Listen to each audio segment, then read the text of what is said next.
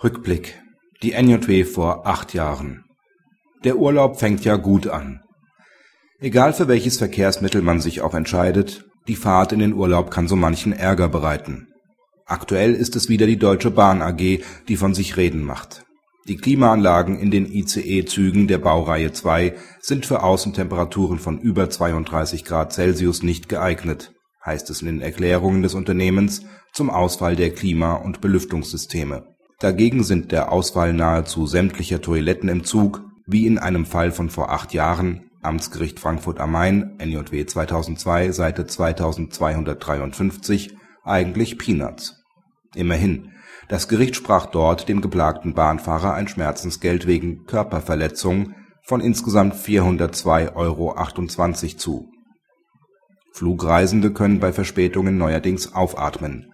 Sie können ab einer dreistündigen Verspätung Ansprüche gegen die Fluggesellschaft auf eine Ausgleichszahlung nach der Fluggastrechteverordnung geltend machen. Damit hat der BGH (NJW 2010, Seite 2281) Fälle größerer Verspätungen denen der Annullierung gleichgestellt